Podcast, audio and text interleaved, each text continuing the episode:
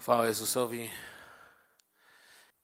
Chciałbym powiedzieć o czymś, co podoba nam się nie tylko u ludzi.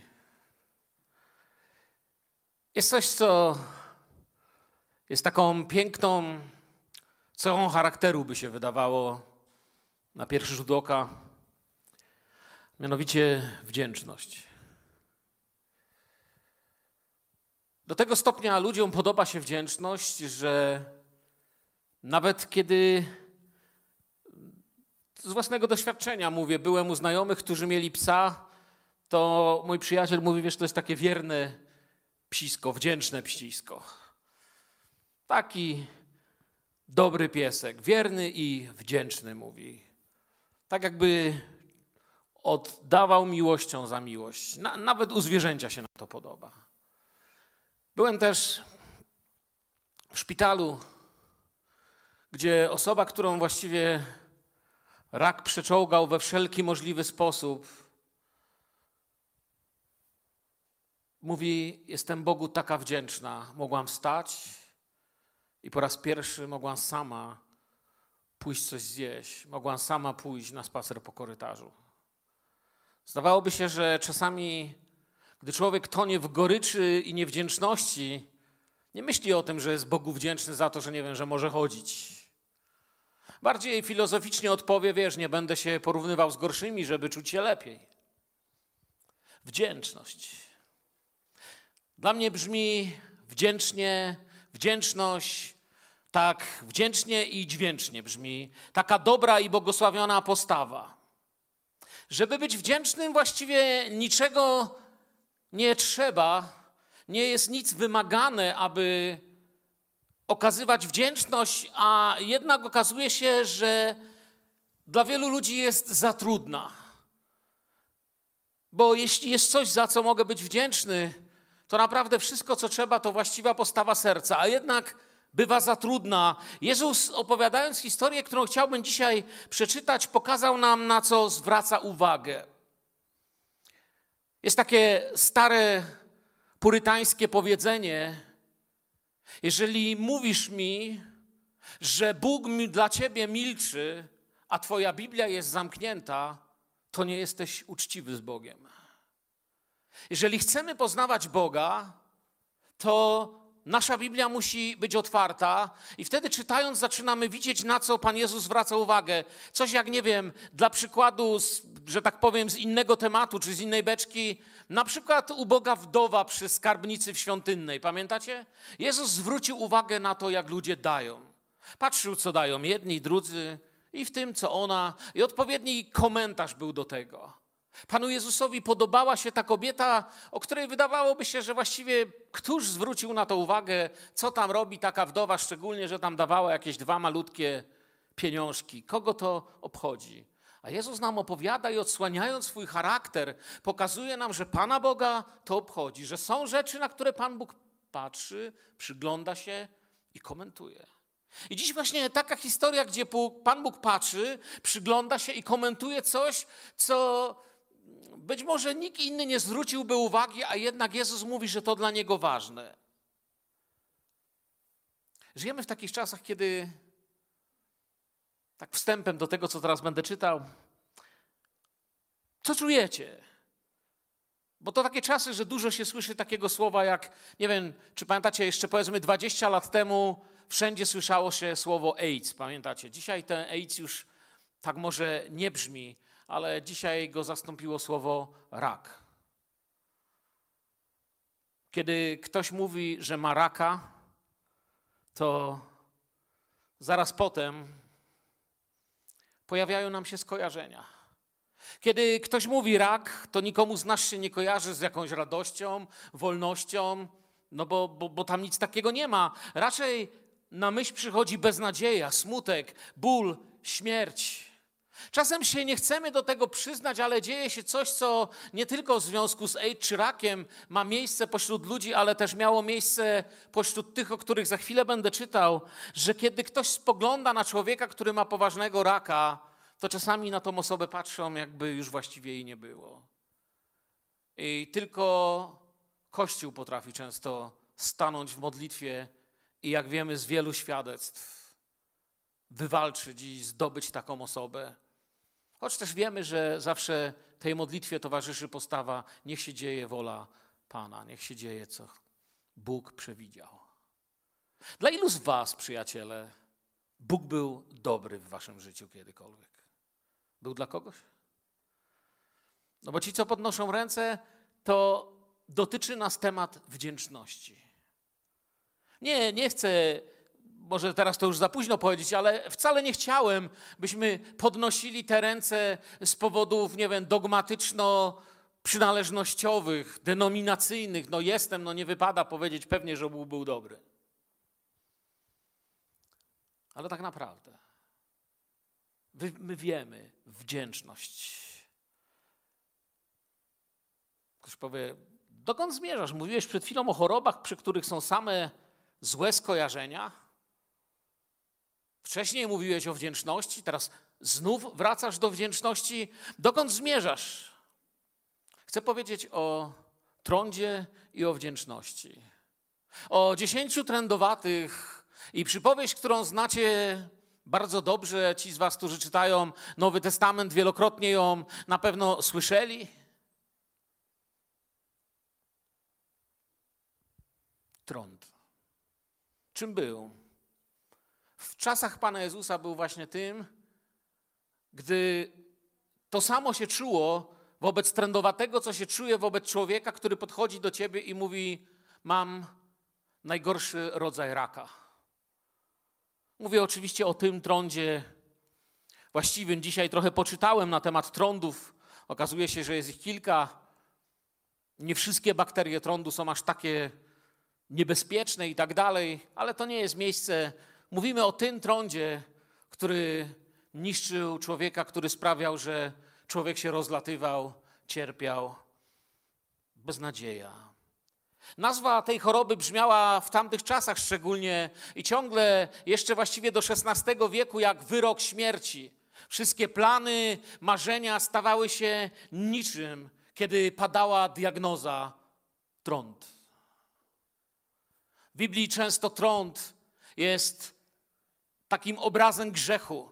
Mniej więcej grzech działa tak samo, jak działa trąd. Trąd nigdy nie zdobywał całego trędowatego od razu. To nie było tak, że trędowaty zachorował na trąd w poniedziałek, we wtorek nie miał już palców w nogach, w rękach, nie miał nosa, nie miał uszu, w środę umierał. Nie, trąd pojawiał się tak samo jak grzech. Malutki, taki malutki, malusieńki. Gdzieś rano, nieważne czy w królewskim pałacu, czy w domu biednego chłopa, rolnika, ktoś zauważył między palcami malutką białą plamkę. Coś nieistotnego, ale ci, którzy się znali, wiedzieli, że to jest powód do zmartwienia. Trąd dotykał ludzi, dotykał domów, dotykał nawet ubrań. To, co trędowaty posiadał, było niedotykalne. To, co ubierał, było do spalenia. Dotykał wszystkiego. Mając kontakt z trędowatym, było się w straszliwym niebezpieczeństwie. To był prawdziwy dramat wielu, wielu wieków. Zapiski o trądzie, gdy dzisiaj czytałem sobie trochę o tym z takiej naukowej książki, dotyczą właściwie, są równoległe z najdawniejszymi zapisami historii ludzkości. Jak mówię, całkiem od niedawna, dopiero z sukcesem pozbyto się niebezpieczeństwa śmierci. Oczywiście tam, gdzie jest możliwe leczenie, co w dzisiejszym świecie nie zawsze ma miejsce. Przejdźmy do Słowa Bożego, z którego chciałbym się podzielić kilkoma myślami dzisiaj. Y, Ewangelia Łukasza, 17 rozdział od 11 wersetu. A w drodze do Jerozolimy przechodził między Samarią i Galileą. Gdy wszedł do pewnej wioski, wyszło naprzeciw niego dziesięciu trędowatych mężów, którzy stanęli z daleka i podnieśli swój głos, mówiąc: Jezusie, mistrzu, zmiłuj się nad nami. A gdy ich ujrzał, rzekł do nich: Idźcie, ukażcie się kapłanom, a gdy szli, zostali oczyszczeni. Jeden zaś z nich, widząc, że został uzdrowiony, wył donośnym głosem chwaląc Boga i padł na twarz do nóg Jego, dziękując Mu, a był to Samarytanin. A Jezus odezwał się i rzekł, czyż nie dziesięciu zostało oczyszczonych, a gdzie jest dziewięciu? Czyż nikt się nie znalazł, który by wrócił i oddał chwałę Bogu, tylko ten cudzoziemiec? Hmm. Gdzie z tych, gdzie się podzieli tamci? Droga Pana Jezusa prowadzi w bardzo dziwny sposób. Jezus zmierza w kierunku Jerozolimy, ale jak widzimy już z samego tekstu, wcale jeżeli troszeczkę mamy w głowie mapę Izraela, to widzimy, że właściwie idzie tak trochę jak gdyby, nie wiem, no z Bielska do Krakowa przez Warszawę.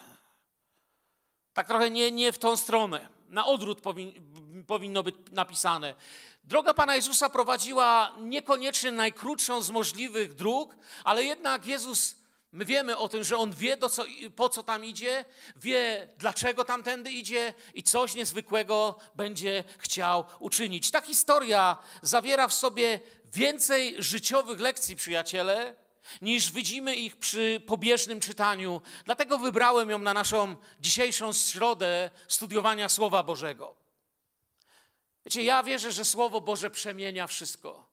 Mój dom, moje życie, moje małżeństwo, to kim jestem, to jaki jestem, decyzje, które podejmuję, to co czuję, jest przemienione przez Słowo Boże. Człowiek, który pozwala się przemieniać Słowu Bożemu, pozwala się przemieniać samemu Bogu. Jak już mówiłem, to dawne powiedzenie Purytan. Jeśli Twoja Biblia jest zamknięta, to nie narzekaj, że nie słyszysz w Twoim życiu Boga. To jest podstawa. Bóg może dużo głośniej, mocniej inaczej mówić, ale to jest ta podstawa. W tym chcę, byśmy trwali i się uczyli, a więc mamy cudowną środę, by się uczyć. Otwórzmy oczy wiary. Wydarzenie, które pomimo upływu dwóch tysięcy lat pokazuje nam na Boży charakter, na coś, co właściwie Pan Bóg widzimy, że zwraca uwagę i na coś, co było bardzo niewłaściwym postępowaniem w tej grupie ludzi. Coś się nie stało, co wynika z słów Jezusa, że w jakiś sposób powinno się stać, choć on przecież i tak wszystko wiedział. W trzeciej księdze Mojżeszowej, tam w Torze, w trzeciej księdze Mojżeszowej, 13-14 rozdział, podaje nam szczegóły postępowania z trędowatymi. Nie wiem, czy kiedyś mieliście czas, aby na spokojnie przeczytać sobie, co mówią te dwa rozdziały owej mojżeszowej nauki dla ludu, który prowadził. Jest to życie nie do pozazdroszczenia. To jest życie, które jest jedną wielką tragedią. Jeżeli będziecie czytać te dwa rozdziały nawet niezbyt uważnie, chociażby pierwszy jeden raz, jeżeli nawet niewiele wiedziałbyś o trądzie z tego medycznego punktu widzenia, będziesz miał to samo odczucie co ja, można zrozumieć, że jest to choroba, która skazuje człowieka na oddzielenie, absolutną samotność i powoli narastającą rozpacz. Czyli dokładnie tak samo jak grzech. Pojawia się jako, jako maluśki, czyli jeszcze takie coś, z czym da się żyć, da się chodzić, da się jakiś czas ukryć. Potem się już tego ukryć nie da, a potem oddziela, odcina, prowadzi do samotności i do narastającej rozpaczy. Trąd nie przypadkiem często był z grzechem przyrównywany. Jeśli człowiek tamtych czasów, trędowaty człowiek tamtych czasów, czasów Mojżesza, czy nawet czasów Pana Jezusa, jeśli trędowaty w ogóle wiedział coś o religii, jeżeli wiedział coś o Bogu, coś o świątyni, coś o Piśmie Świętym, to to, co w tamtych czasach najbardziej wiedział, to wiedział, że religia skazuje go na przegraną pozycję samotnej walki, że nie ma prawa nawet się zbliżyć już do świątyni, że nie ma prawa na co liczyć, że właściwie jest skazany na absolutne odepchnięcie od i wiedział jedno, co powtarzano, ale wiecie, tak jak my, kiedy mówimy, że chcemy się modlić, to mówimy, będziemy się modlić i będziemy wierzyć, a ludzie w świecie mówią, teraz to się już tylko modlić, jak mówiłem o tym ostatnio, żeby się nie powtarzać. Czyli tak nikt nie wierzył. I w tamtych czasach też mówili, no, niech się Pan nad tobą zlituje. Czyli krótko mówiąc, mieli na myśli, że po tobie.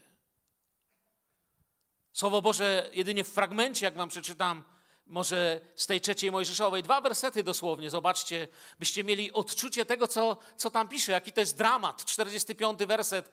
Trędowaty, na którym jest ta plaga, winien mieć szaty rozdarte, włosy na głowie rozwichrzone, brodę zasłoniętą i winien wołać nieczysty, nieczysty. Przez cały czas trwania tej choroby będzie nieczysty, samotnie mieszkać będzie. Jego mieszkanie będzie poza obozem. Wyobrażacie sobie? Teraz wracając do miejsca, gdzie Pan Jezus spotyka tych dziesięciu trędowatych. Pomyślcie sobie też takimi jak już powiedziałem, niech te duchowe oczy się otworzą i zobaczcie na tą sytuację nie jakby się działa w teatrze, ale to jest prawdziwa życiowa sytuacja. Jak to musiało wyglądać? Wyobrażacie to sobie? Smród, straszliwy smród w pobliżu tych ludzi, dlatego nawet się im nie wolno zbliżać. I ból. Smród niekoniecznie z powodu choroby. Przede wszystkim z powodu tego, że nie mieli dostępu do żadnej wody oprócz tej, którą pili.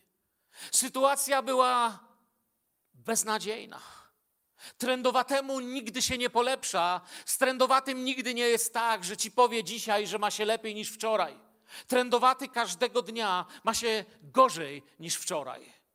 Zobaczcie, znowu jakie odniesienie do grzechu. Jeśli człowiek nie wyzna swoich grzechów, to każdego dnia ma się gorzej niż miał się wczoraj. Rok temu miał się lepiej niż miał się dziś. Trendowatemu się nie polepsza, jest coraz gorzej i kończy się to śmiercią.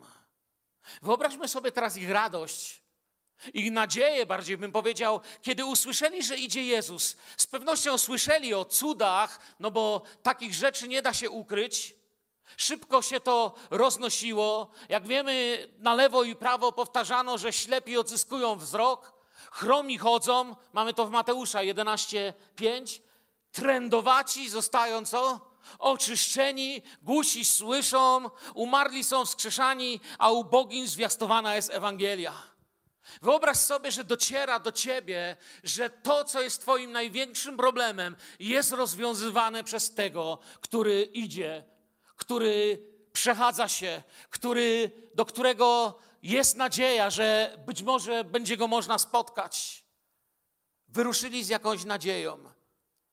Nie wiem, czy, czy tak trochę wpadli na Pana Jezusa, czy właściwie przygotowali się na to spotkanie, nie wiem, ale wiem, że tam była nadzieja, która płonęła w ich sercu.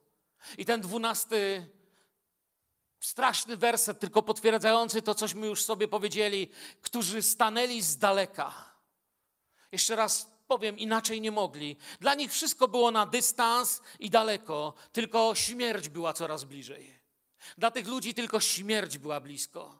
Nie mieli już przyjaciół, chyba że w Dolinie Trędowatych albo gdzieś zbudowanym z kamienia kręgu obozie dla trędowatych, gdzieś, gdzie ich oddzielano, trzymali się razem, żeby jako tako przeżyć, żeby być koło siebie, a i tam nie było bezpiecznie. Wszystko na dystans, tylko śmierć coraz bliżej. Dystans między życiem i śmiercią była wypełniona ich bólem, ich wołaniem. A w tych wersetach dystans pomiędzy Jezusem i śmiercią, przy której stoją oni, wypełnia się ich krzykiem. To jest to miejsce, które wypełnia nasza modlitwa. Być może dzisiaj ty, który słuchasz nas online, czy ktoś z was, kto jesteście tutaj, jesteś bliżej śmierci niż innym się wydaje na tej sali. Zwróć uwagę na tą tajemnicę Bożego Słowa, tutaj tak pięknie objawioną, pomiędzy śmiercią, a pomiędzy Jezusem niech się rozlegnie Twoje wołanie. Pomiędzy tym, co Cię niszczy, tym, co Cię zabija, tym, co przynosi Twoje łzy, niech się rozlegnie Twoje wołanie. Oto po raz pierwszy ktoś tak woła Jezusa w tej Ewangelii. Jezu! Wypełniając tym wołaniem tą przestrzeń bólu i oddzielenia, trędowaci. Wspólnie przeżywali ten sam koszmar. Nieszczęście połączyło ich, obcych sobie kiedyś ludzi, w grupę nieszczęśników. Kiedyś mieli marzenia, plany, może nawet rodziny, mieli dzieci. Myślę, że siedzieli tam w tych norach i palili to, co było do spalenia. Jeśli ktoś rzucił jakąś wiązkę chrustu jako ofiarę miłosierdzia. Inni dawali deski, jeszcze inni do granicy ułożonej z kamieni przynosili czasami im jedzenie, jako taki właśnie akt miłosierdzia. I myślę, że nieraz tam siedzieli i wspominali. Kiedyś byłem tatą, kiedyś byłem mamą, byłam mamą, kiedyś byłem, byłem, byłem, ale już nie jestem. To cokolwiek, to może być mama, tata, brat, siostra, rodzina, szczęście, dzieciństwo. Kiedyś miałem swój zamek, a ja kiedyś miałem malutką chatkę, ale teraz siedzimy razem. Pozostały tylko wspomnienia i pustynia bólu ostatnich lat. Nieszczęście dziwnie łączy. Jeden z nich jeszcze do tego był Samarytaninem. Dawniej podział pomiędzy Samarytaninem i Żydem był zbyt ważny, ale teraz siedzą razem. Szli na spotkanie tej samej śmierci, która nie odróżnia Samarytan i Żydów. Tak samo czasem z nami ludźmi jest. Dzielimy się na lepszych, gorszych, ale tak naprawdę jak nadzy przyszliśmy na ten świat, tacy z niego odchodzimy. Czasami komuś się wydaje, jestem lepszy, ale potem koło nas w szpitalu leży ten, który jeszcze tydzień temu wydawał nam się gorszy. Śmierć łączy. Dawniej podział między nimi był zbyt ważny, teraz są razem, idą na spotkanie tej samej śmierci i dzisiaj są pomiędzy Galileą i Samarią. Nie są już Żydem, Samarytaninem, bogaczem są trędowatym. Śmierć woła po imieniu trędowaty. Takie imiona nadaje śmierć, bo to prawdziwe imię potrafi powiedzieć tylko Bóg. Imiona śmierci brzmią ty złodzieju. Imię śmierci brzmi ty alkoholiku. Imię śmierci, które nadaje człowiekowi, którego chce związać, brzmi ty narkomanie. Ty trędowaty. To są imiona, którymi woła człowieka śmierć. Określa ich w związku z tym, co robią albo kim są. Alkoholik, trędowaty, narkoman, złodziej. A Bóg mówi po imieniu woła Cię z miłością. Dzisiaj są pomiędzy Galileą i Samarią. Choroba sprawiła, że ludzie zaczynają myśleć o Bogu inaczej niż kiedykolwiek. Nieważna jest ta religijna zasada pochodzenia, połączyło ich coś, co jest silniejsze niż wszystko. Trąd ich połączył i ta sama śmierć, ta sama nędza. Trąd był taki sam dla Samarytan, dla Żydów i gdyby pośród nich znalazł się Polak, nie chorowałby szlachetniej albo mniej szlachetnie i nie śmierdziałby bardziej albo mniej. Ta choroba wyrównuje wszystko. Trąd zawsze w Biblii był symbolem grzechu. Grzech robi to samo. Grzech niesie śmierć. I nieważne, czy jest się z gwiazdą z pierwszych okładek gazet, która posiada Ferrari i sześcio, siedmiocyfrowe konto w banku, czy jest się nędzarzem, który już rozbił i zniszczył wszystko, łącznie z własnym małżeństwem, żoną, mężem, dziećmi i tym, co kochał. Śmierć równuje. Tak jak ich połączył wspólny problem, tak my wszyscy mamy coś z tych trendowatych. Grzech pożera żywcem duszę człowieka i tak ich dotknął tak jak ich dotknął się Jezus, tak i nas Jezus musi dotknąć, by to się nie poszerzało, by nie szło w nas. Wszystko, co oni mogli zrobić i co my możemy zrobić, to jest przyjście i wołanie o Bożą łaskę, która wtedy i dzisiaj jest dawana. Jezusa nie da się dodać do tego, czym się jest. W Jezusie można mieć tylko nowe życie. Oni nie próbowali dodać Jezusa do swojego trądu, oni potrzebowali pozbyć się swojego trądu. Tak jak trędowaci doświadczyli próby, gdy szli pokazać się kapłanom, my również mamy wybór, gdy On wybaczy nam nasze grzechy. Bo Jezus powiedział, w takim razie idźcie i pokażcie się kapłanom i po drodze trąd ich opuścił. Możemy na Jezusie oprzeć nasze życie w żywej relacji z naszym wybawcą lub zwyczajnie usłyszeć o Jezusie, dokleić Go jak naklejkę, przyczepić go jak kolejne trofeum swojego życia i w kulturę swojego starego życia wchodzi kolejne przeżycie w naszym życiu. Byłem w kościele, byłem katolikiem, byłem protestantem, byłem tym, byłem tamtym, byłem siamtym. Kolejne rzeczy są doklejane tak naprawdę do tego, co jestem. Ale w wypadku Jezusa musi zostać tylko Jezus, żeby to odniosło skutek i sens. ogłoszony Panem i Królem naszego życia. Pozostałych dziewięciu, o których czytałem, pokierowało swoim życiem tak, jak przedtem, zanim zachorowali. Chodzili gdzie chcieli i poszli gdzie chcieli. Kiedy bym wrócił do tej trzeciej Mojżeszowej 13-14, co mówiłem, to ten rytuał oczyszczenia, który tam mamy, zawiera wiele typologii. Właściwie można by się tam na tych dwóch rozdziałach y, zawiesić i, i poszukiwać tam Jezusa. Bo wiemy o tym, że Stary Testament jest pełny Pana Jezusa. I wymaga to, tak jak w czasach Jezusa i tak jak dzisiaj, poddania się, bliskiego poddania się Bożemu kierownictwu, kierownictwu Jego słowa, tej ocenie, nakazom kapłana i częstej relacji z Nim. To jest wszystko to, co właściwie trzeba i dziś, żeby czegoś doświadczyć. Od tego zależy Twoje miejsce w społeczeństwie. Od tego zależy, czy idąc po ulicy będziesz mógł coś zmienić, czy kiedy Ty przechodzisz, to za Tobą świat jest dziś lepszy czy gorszy.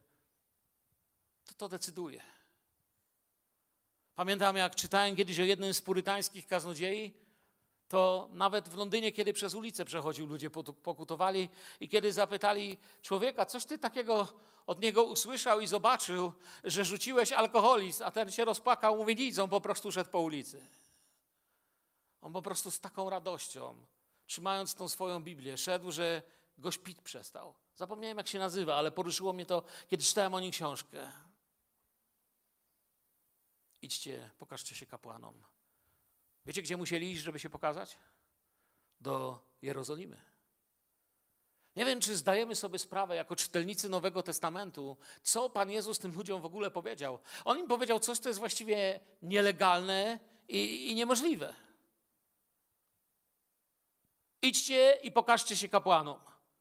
Ale, ale nam nie wolno tam iść, nam nawet nie wolno w tym kierunku, tą drogą zmierzać.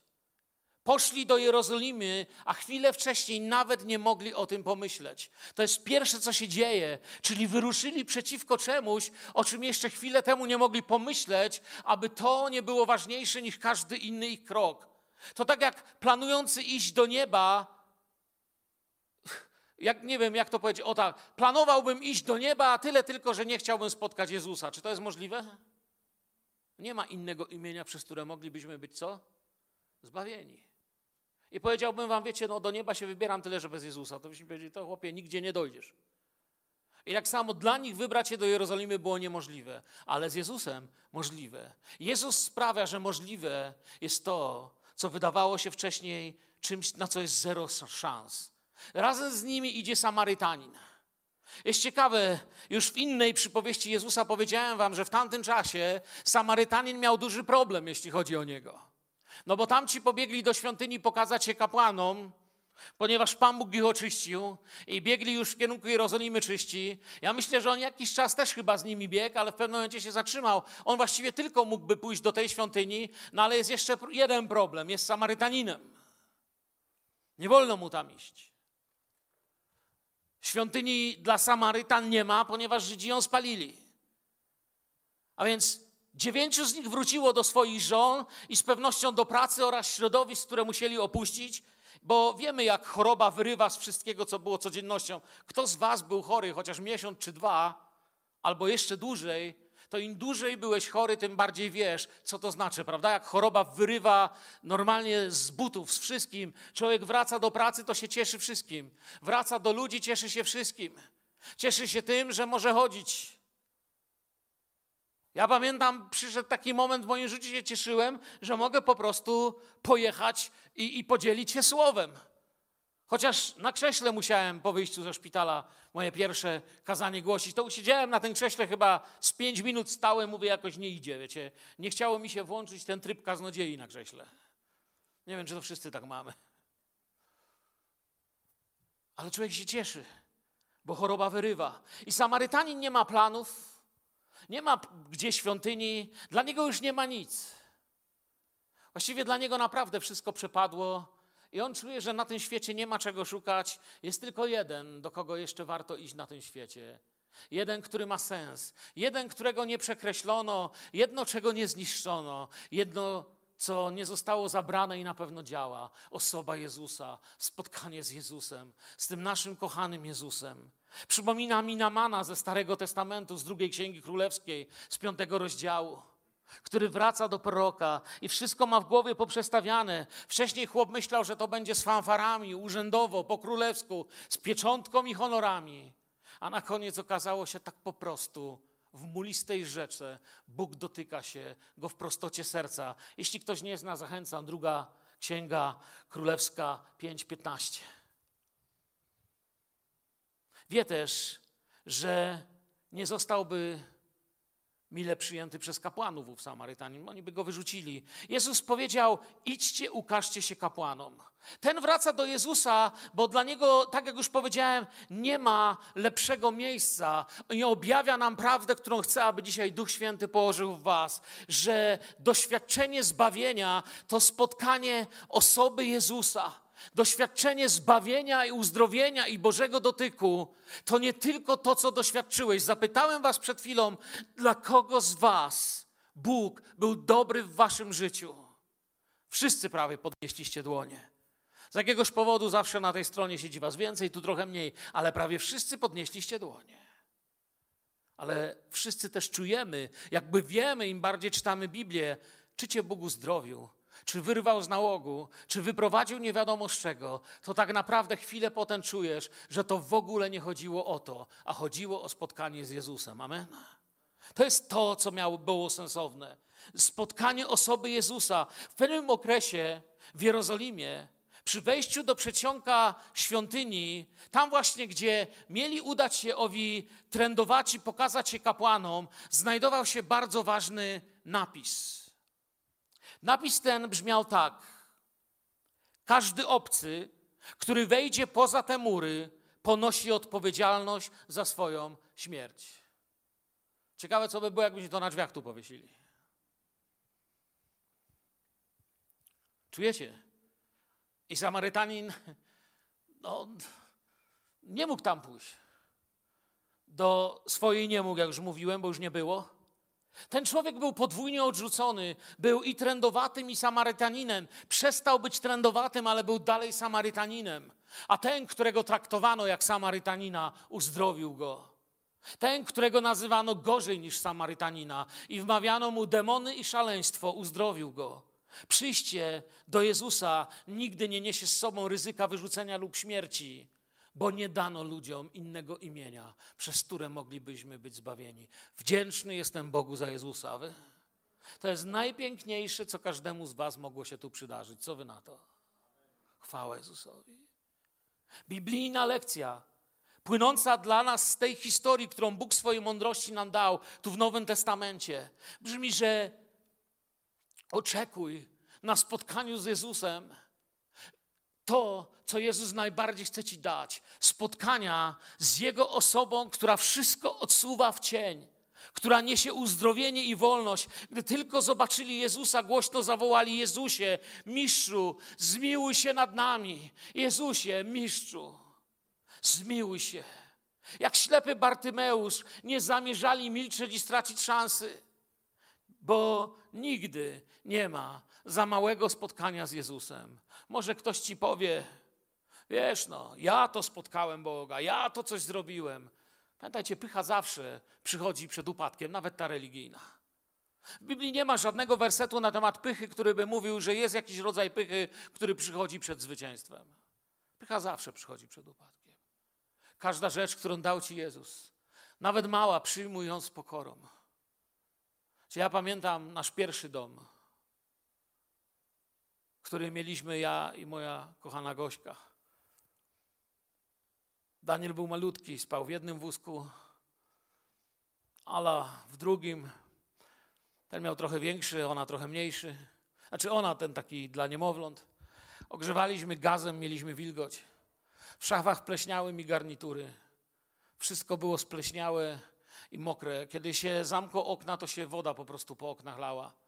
Tak przez kilka lat mieszkaliśmy próbując działać na rzecz Królestwa Bożego. I powoli ten dom remontowaliśmy. Wiecie, ktoś mógłby podejść, kiedy już zrobiliśmy ten dom. Kupiłem sobie parę, cztery plastikowe krzesełka i stolik.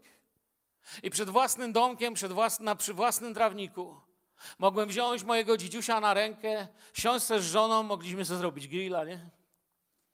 Jeszcze wtedy mogliśmy. Byłem u siebie.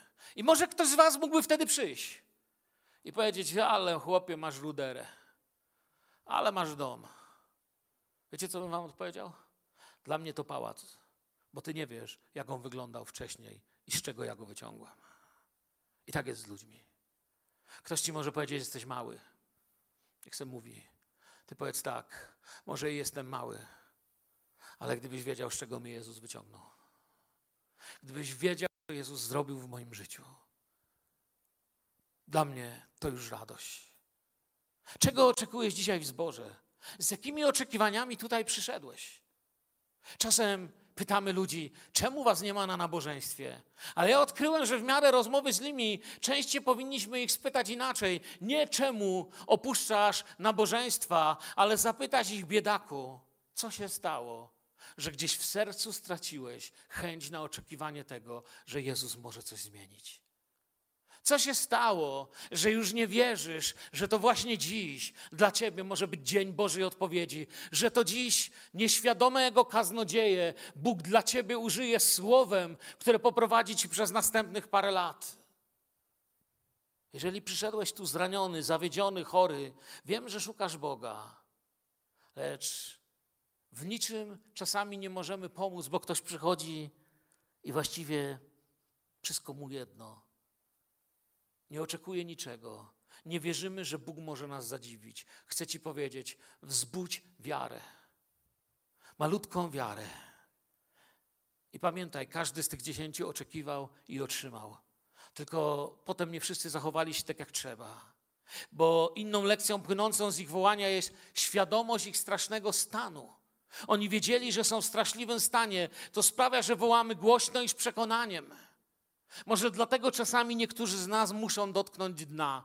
Niektórzy muszą strzelić w ścianę. Niektórzy muszą przejść przez różne doliny cienia, bo dopiero wtedy mają siłę powiedzieć: Boże, zmiłuj się nade mną.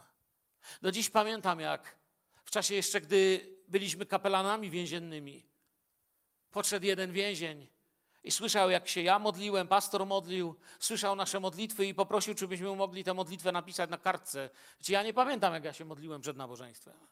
Ja się po prostu pomodliłem. No on tego nie wiedział i mówi, czy mógłby się jakieś modlitwy nauczyć na pamięć. I ja tak trochę nie wiedziałem, co mu powiedzieć. Na szczęście starszy ode mnie pastor Georg miał dobrą myśl i mówi, to ja ci napiszę modlitwę, żebyś się nauczył na pamięć. Najlepszą dla ciebie. I właśnie napisał mu na tej kartce. Panie, zmiłuj się nade mną. Po rosyjsku i po estońsku mu napisał. Mówi, masz, tymi słowami z całego serca módl się, a reszta będzie się działa.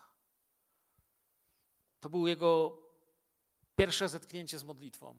Potem dojrzewał, wzrastał, był ochrzczony i tak dalej. Przez posłuszeństwo doświadczyli błogosławieństwa. To jest ważna lekcja.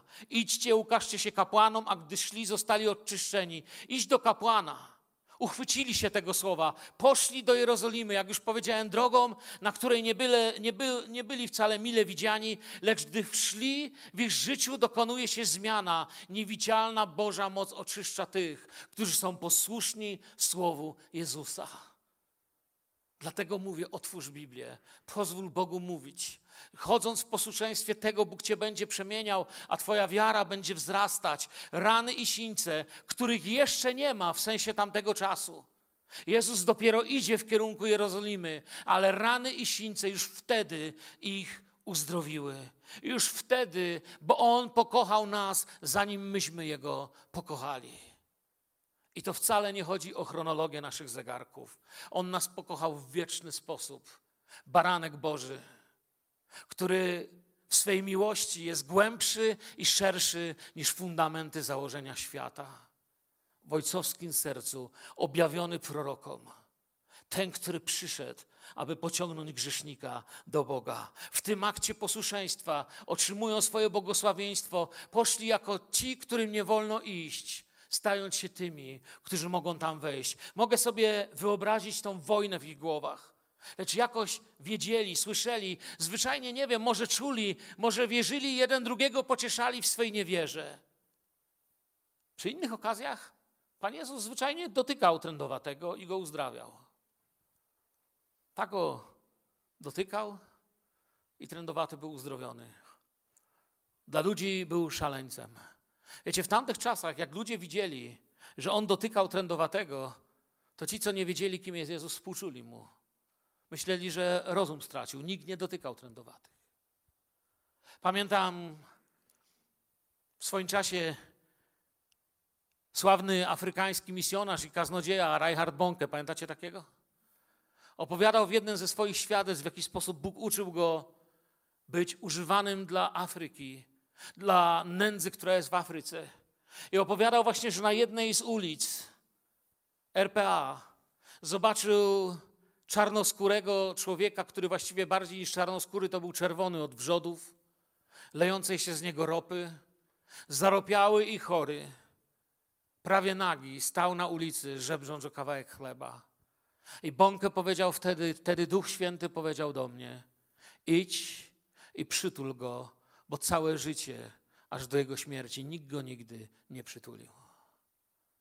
I Bąkę mówi, że zaczął się rzucać w sobie, tak, no panie, przecież widzisz, jak on wygląda. Będę brudny. Panie, nie wiadomo, czy się nie zarażę. I pamiętam, jak Bąkę opowiadał w tej historii. Mówi, usłyszałem ten znany mi głos Ducha Świętego, a Pan powiedział do mnie, gdybyś wiedział, jak Ty wyglądałeś, gdzie znalazłem grzeszniku, to byś tak nie myślał. I on mówi, wtedy pobiegłem i ukochałem tego człowieka. A Bóg zaczął czynić cuda w naszej służbie w tamtym miejscu. To jest to, to miejsce, gdzie rozpoczyna się nasza wiara. To jest to miejsce. Tym razem Jezus nie dotknął, było inaczej. Uzdrowienie przychodziło z każdym krokiem posłuszeństwa. Zostali uzdrowieni z trądu. I wierzę, że Pan Jezus uzdrowił ich całkowicie, nie jakoś tak, że wiecie, zostali bez palców, bez nosów, bez uszu. Wierzę, że nie zostało na nich żadnej deform...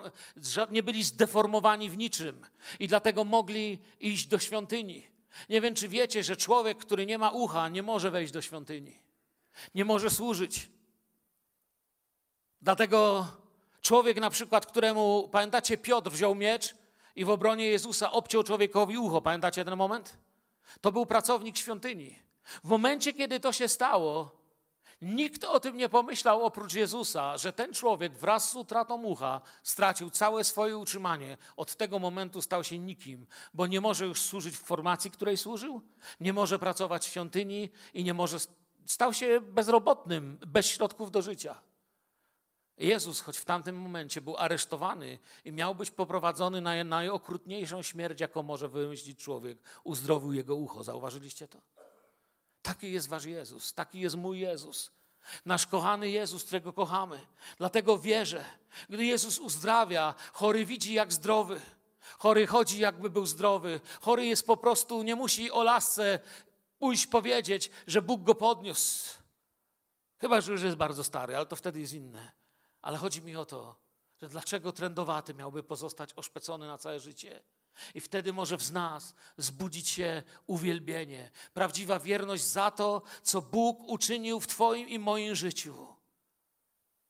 I wtedy mogę żyć tym, co Jan napisał. Pamiętacie, miłujmy więc, gdyż On przedtem nas umiłował, bo doświadczyłem tej miłości. Nigdy nikt nas nie powinien prosić, byśmy dziękowali Jezusowi, byśmy uwielbiali Jezusa. Bóg nie będzie nas o to błagał w osobistym liście. Nie powinniśmy się zamartwiać stylem, w jakim uwielbiamy czy dziękujemy, ale zawsze pamiętać, bądź wierny. Może dzisiaj masz dobrą firmę, dobrą pracę, dobre zdrowie. Może masz ciągle przyjaciół, którzy cię kochają, albo może ciągle masz jeszcze więcej niż inni. Nie zapomnij sobie dzisiaj, żeby może podziękować. Te zielone kartki, które tutaj spływają w niedzielę, przypominają mi, że jest w naszym zborze wielu świadomych tego ludzi. Że wiecie, bo to, to czasami bywa. Na szczęście cieszę się, że, że, że, że u nas to może aż tak nie jest, ale widziałem, że to czasami w niektórych sytuacjach życiowych tak bywa, że mamy więcej próśb i próśb i próśb i żądań i Panie zrób to i daj tamto i Bóg robi, robi, robi, tylko jakoś nigdy nie słyszy czego? Dziękuję. Dziękuję. Uwielbiam Cię. Kocham Cię, Panie. Bo to jest uwielbianie, kiedy Pan coś zrobi, wdzięczność. Staje się wielkim skarbem Kościoła w tym niewdzięcznym świecie. On uwielbia. Człowiek może uwielbiać, bo Bóg dobre uczynił. I jak jeszcze raz mówię, istotą uwielbiania nie jest styl, ale czysta i nieskażona wdzięczność jest tym, co powoduje prawdziwe uwielbianie. Nie troszcie się o nic, ale we wszystkim w modlitwie i błaganiach z dziękczynieniem powieście prośby wasze Bogu, pisze Paweł do Filipian. Czy znajdzie się kiedyś odpowiedź na pytanie, a gdzie jest dziewięciu? Nie wiem. Oto widzę tylko, że serce Boga tęskni za całą tą dziesiątką. Przychodzi jeden. Oni zapomnieli być może, albo tak się zajęli świątynią, że zapomnieli o tym, który napełniał ją swoją chwałą.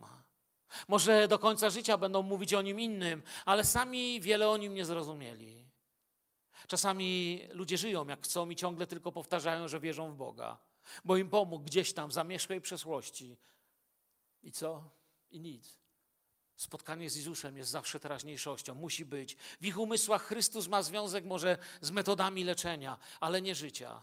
Potem ktoś ich zapyta, jak zostałeś oczyszczony? A oni odpowiedzą, to się stało właściwie samo, nikt nas nie dotykał. Być może kapłani wezmą chwałę dla siebie. Jezusowi to nie przeszkadzało. On tylko zapytał, a gdzie jest dziewięciu? Przyjdź do Boga z wdzięcznością.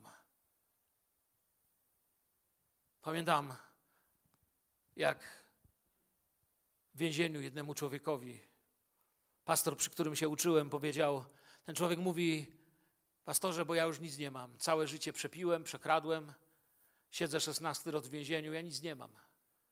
Ja nie mam być za co wdzięczny. Jak wyjdę, będę musiał wierzyć w Jezusa, jakoś się trzymać wiary i iść do pracy. Ja pamiętam, jak on mu odpowiedział: Masz jedną rzecz, za którą zapominasz dziękować Bogu. Masz ciągle zdrowy rozum, dwie ręce i dwie nogi. Pamiętaj, zdrowy rozum to jest wielki skarb. Bo jak się go nie ma, to niewiele można zrobić. Gdzie jest dziewięciu? A może, bo już tak na koniec chcę kończyć, gdzie ja jestem? Czy była taka sytuacja w moim duchowym życiu, gdzie Bóg zadał sobie pytanie, nie gdzie jest dziewięciu, tylko gdzie jest Mirek? Z tego co wiem, pobłogosławiłem go. Moment, gdzie jest Mirek? A Mirek zajęty. Prawa jest taka, wielu przyjdzie po wybaczenie z ulgą, niewielu przyjdzie żyć życiem wdzięczności i uwielbienia. Wielu płacze i prosi o zbawienie, bo się boją, ale niewielu chce potem żyć życiem wdzięczności i uwielbienia. A żyjąc w uwielbianiu i wdzięczności Boga, nigdy po zetknięciu z Bogiem nie będziesz wracał już do grzechu. Gdzie jestem dzisiaj? Brak wdzięczności sprawia, że mamy potem w kościele, wiecie, tak zwanych trudnych ludzi. Nie wiem, czy kiedyś takich spotkaliście. Ja jako pastor często spotkałem takich trudnych ludzi. No, Niby to siostra i brada, ale patrzysz, to myślisz, chłopiec bardziej skomplikowany niż piramida Cheopsa. Nie idzie znaleźć, jak się do niego. Trudny człowiek. I dopiero, wiecie, zmieniał się, jak Pan Bóg dotknął. Pan Jezus zapewnia Samarytanina o tym samym, co ciebie. Idź, wiara twoja uzdrowiła cię. Mówi do niego właściwie wstań, bo ten przyszedł i wielki akt uwielbienia przed Jezusem zrobił. Padł na twarz. Jezus go nie podniósł. Jezus przyjął tą chwałę. Nasz Jezus, mój Pan, mój Bóg. Wiecie, wdzięczność pomoże Wam przejść przez największe burze. Jest taki dokument. W czasach cesarza Trajana Pliniusz tak się nazywał ów urzędnik, napisał list do namiestnika Bitynii. List do cesarza, który potem dotarł do cesarza. I fragment tego listu przepisałem sobie i chciałbym wam przeczytać. Mamy czasy Trajana. Chrześcijanie są prowadzeni na rzeź jak owieczki. Ten obserwuje i pisze o tym tak. Zapytałem ich, chrześcijan w sensie, czy są chrześcijanami. A gdy się przyznali, pytałem ich dwukrotnie, trzykrotnie, grożąc śmiercią. Obstających przy swoim skazałem na stracenie. Nie mam wątpliwości, że do czegokolwiek by się przyznali, karać ich należało za upór i zaciętość. Co do tych, którzy sami twierdzili, że nie są chrześcijanami i nigdy nimi nie byli, tych uznałem za możliwe uwolnić, gdyż odmówili zgodnie z moim poleceniem modlitwę do bogów, dopełnili obrzędu wylania wina i spalenia kadzidła przed Twoim posągiem. Jak mówię, list pisany był do Trajana. Trajan przyjmował boską cześć. I co więcej, przeklinali Chrystusa. A mówią, że prawdziwych chrześcijan nie można nigdy do tego zmusić. To jest fragment, historia Kościoła. Smęczon. Pierwszy ton, 54 strona. Ktoś powie, to kim byli ci, którzy wytrwali? Jednym z tych, których, którzy wytrwali, był Polikarp. Jego odpowiedź mówi coś o tym w jednym zdaniu, o czym ja mówiłem ostatnie 40 minut. Przeczytam wam, co Polikarp powiedział, gdy poprowadzono go na kaźń. 86 lat mu służyłem i nigdy nie uczynił mi nic złego. Dlaczego więc miałbym znieważyć mego króla i zbawcę? Mój Jezus pokochał mnie i zmienił moje życie. Chcę go dziś poprosić, żeby dał mi mądrość i siłę kochać go. Dlaczego miałbym znieważyć mojego króla i zbawcę przekleństwem, pijaństwem i wyniszczaniem siebie? Dlaczego miałbym się upodabniać do tego świata, który i tak zmierza nie wiadomo dokąd w kolejnych zarazach, wichurach, katastrofach, wojnach i przekleństwach? Ja nie mogę powiedzieć jak Polikarp 86 lat, ale mogę powiedzieć, ponad 30 lat mu służę. Uzdrowił mnie wiele razy. Nigdy mnie nie zawiódł i nigdy nic złego o mnie nie powiedział. Panie, nie pozwól mi, abym Cię znieważył. Czy macie to samo pragnienie w swoim życiu? Panie, chcę być Tobie wierny. Chcę wrócić z dziękczynieniem.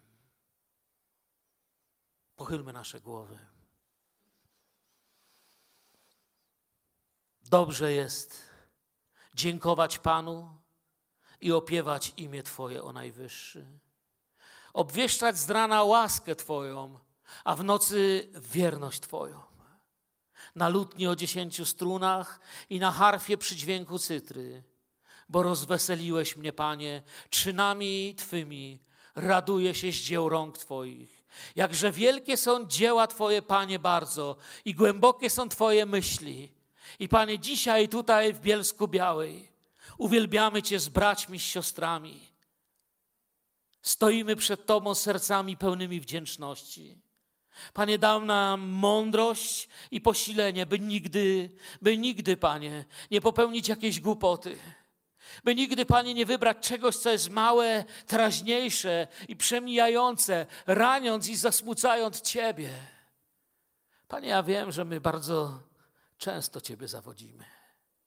Panie, ja nie odważę się nigdy powiedzieć, że jestem taki silny, że Cię nie zawiodę. Ale odważę się dzisiaj modlić. Trzymaj nas, dotykaj nas i prowadź nas. Duchu mądrości, rozumu i bojaźni Bożej. Prowadź nas przez ulice naszego miasta. Daj nam wytrwać w Tobie i być świadectwem mocy i chwały Twojej, o Panie.